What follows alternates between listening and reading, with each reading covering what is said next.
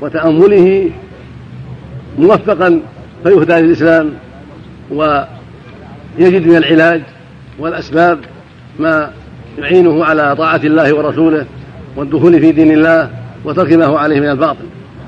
أما المسلم فهو أقرب إلى السلامة وأقرب إلى الخير ومعه أصل الدين وأصل التوحيد وأصل الإيمان بالله ورسوله وأصل محبة الله ورسوله وأصل الإيمان بالآخرة والجنة والنار. هذه الأشياء مما تدعوه إلى أن يحاسب نفسه وأن ينظر في أمراضه فيعالجها علاجا تاما. والله يسر له العلاج.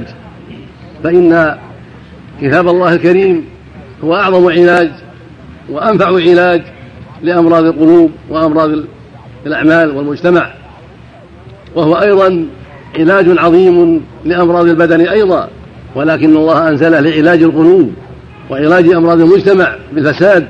حتى ترجع القلوب إلى صلاحها وإلى طهارتها وإلى إيمانها بالله ورسوله وإلى بعدها من كل ما حرم الله ورسوله. وحتى ترجع ترجع المجتمعات إلى طاعة الله ورسوله والتعاون على البر والتقوى وعدم التعاون على الإثم والعدوان. فبالإقبال على كتاب الله القرآن وتدبر معانيه والاستكثار من تلاوته والمذاكرة فيما دل عليه مع الإخوان والأحباب وأهل العلم في ذلك أعظم وسيلة لعلاج القلب ولطهارة القلب مما نزل به من شبهة أو مرض شك أو مرض شهوة. هذا أعظم علاج وأكبر علاج. وقد عالج به النبي صلى الله عليه وسلم أمراض المجتمع في مكة وفي المدينة حتى هدى الله به من هدى ودخلوا في دين الله عز وجل. فعليك يا أخي أن تقبل على كتاب الله وأن تعنى بقراءة كتاب الله وتدبر معانيه وعلاج قلبك ومجتمعك بما تتلو وبما تفهم من كتاب ربك عز وجل. ومن ذلك التعلم فإن كتاب الله طريق العلم أيضا. فالجهل داء عضال سبب للتساهل بالشهوات وسبب لقبول الشكوك والأوهام والشبهات. ففي كتاب الله علاج لذلك فإنك تأخذ من كتاب الله علما نافعا وهكذا من سنة رسول الله عليه الصلاة والسلام والعناية بها والعناية بسيرته وسيرة أصحابه تستفيد من ذلك علما نافعا تضمه إلى ما عرفت من كتاب الله عز وجل وتضمه إلى ما عرفت أيضا من العلم ممن جالست من العلم والإيمان والبصيرة ومن جالست من إخوانك الطيبين فتضم هذا إلى هذا ويحصل لك بذلك خير كثير في علاج أمراضك ومحاربة أدوائك الأدواء المتعلقة بالشهوات والأدواء الناشئة عن الشبهات. ولا شك أن العلم نوع من الشفاء. قال الله جل وعلا وننزل من القرآن ما هو شفاء؟ ورحمة للمؤمنين. وقال عز وجل يا أيها الناس قد جاءتكم موعظة من ربكم وشفاء لما في الصدور وهدى ورحمة للمؤمنين. فالقرآن العظيم أعظم شفاء لما في الصدور من سائر الأمراض مرض الشرك ومرض الكبر ومرض المعاصي. ومرض الحسد وغير ذلك. فهو شفاء لكل ما في الصدور من أمراض. وهو شفاء أيضا لأمراض المجتمعات من الشرك فيما بينهم والمعاصي والتحاسد والتباغض والتعاون على الإثم والعدوان إلى غير ذلك. وكذلك يروى عنه عليه الصلاة والسلام أنه لما سئل عن قوم أفتوا بغير علم قال ألا سألوا؟ إذ لم يعلموا. إنما شفاء العي السؤال. فشفاء العي وهو الجاهل السؤال عما يجب والتفقه في الدين. هذا هو شفاء جهله وما أصابه من الشكوك في أحكام الله عز وجل. شفاؤه أن يتعلم ويتبصر حتى لا يفتي نفسه ولا يفتي غيره إلا بعلم. إنما شفاء العي السؤال. فتعلم وتفقه في الدين من أسباب الشفاء من أمراض الشكوك والأوهام. قال النبي عليه الصلاة والسلام من يريد الله به خيرا يفقهه في الدين. فالمعنى أن مر من لم يرد به خيرا لا يفقه في الدين نعوذ بالله. فالتفقه في الدين من أعظم الأسباب لنجاتك وسعادتك. وطريق الفقه في الدين هو التعلم لكتاب الله وتفقه في كتاب الله وبسنة رسول الله عليه الصلاة والسلام وفي أخبار أصحاب رسول الله صلى الله عليه وسلم وما ساروا عليه وكذلك ما سار عليه أتباعهم بإحسان.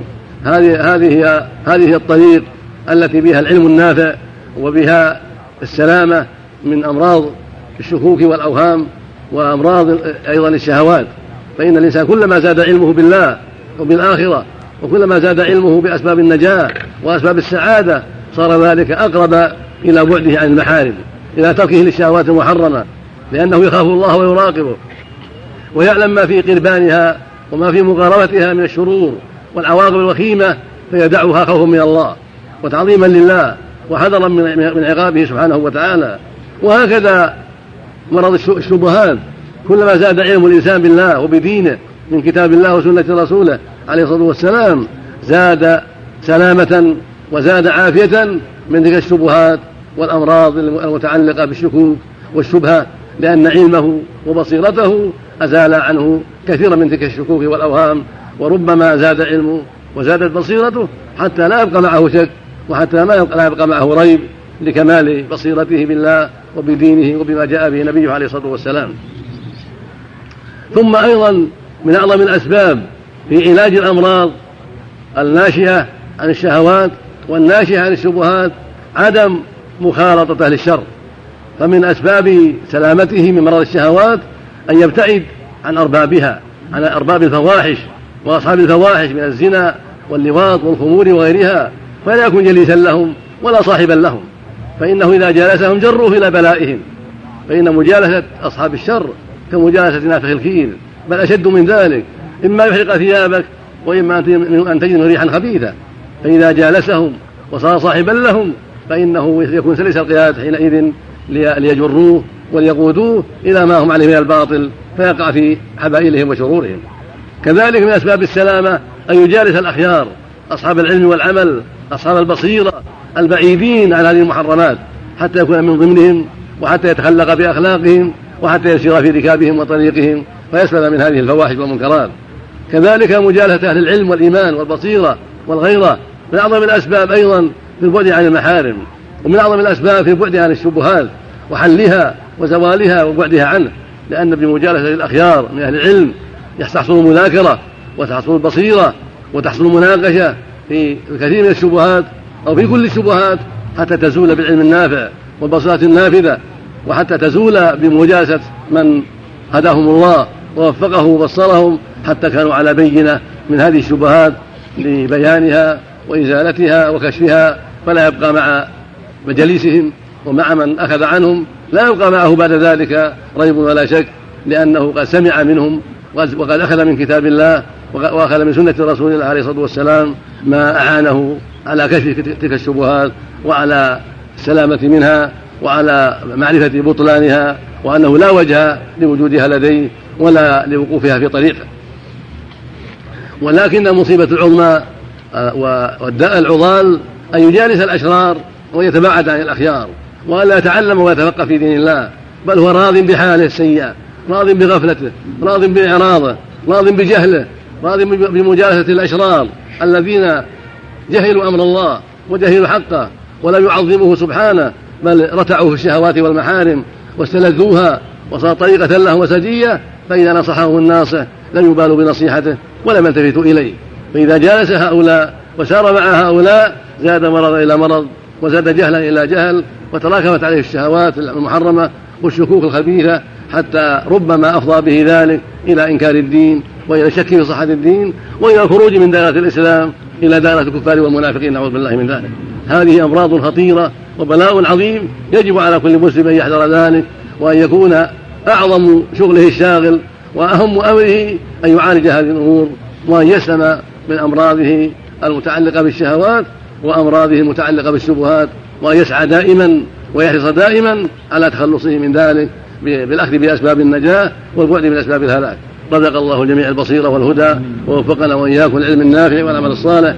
وجزى الشيخين عن ندوتهما وعن توجيههما وعن إرشادهما وعن تفهيمهما للمستمعين. جاء جزاء حسنا وضاعف لهم المثوبة. إنه جل وعلا جواد كريم. وصلى الله وسلم على نبينا محمد وعلى آله وأصحابه.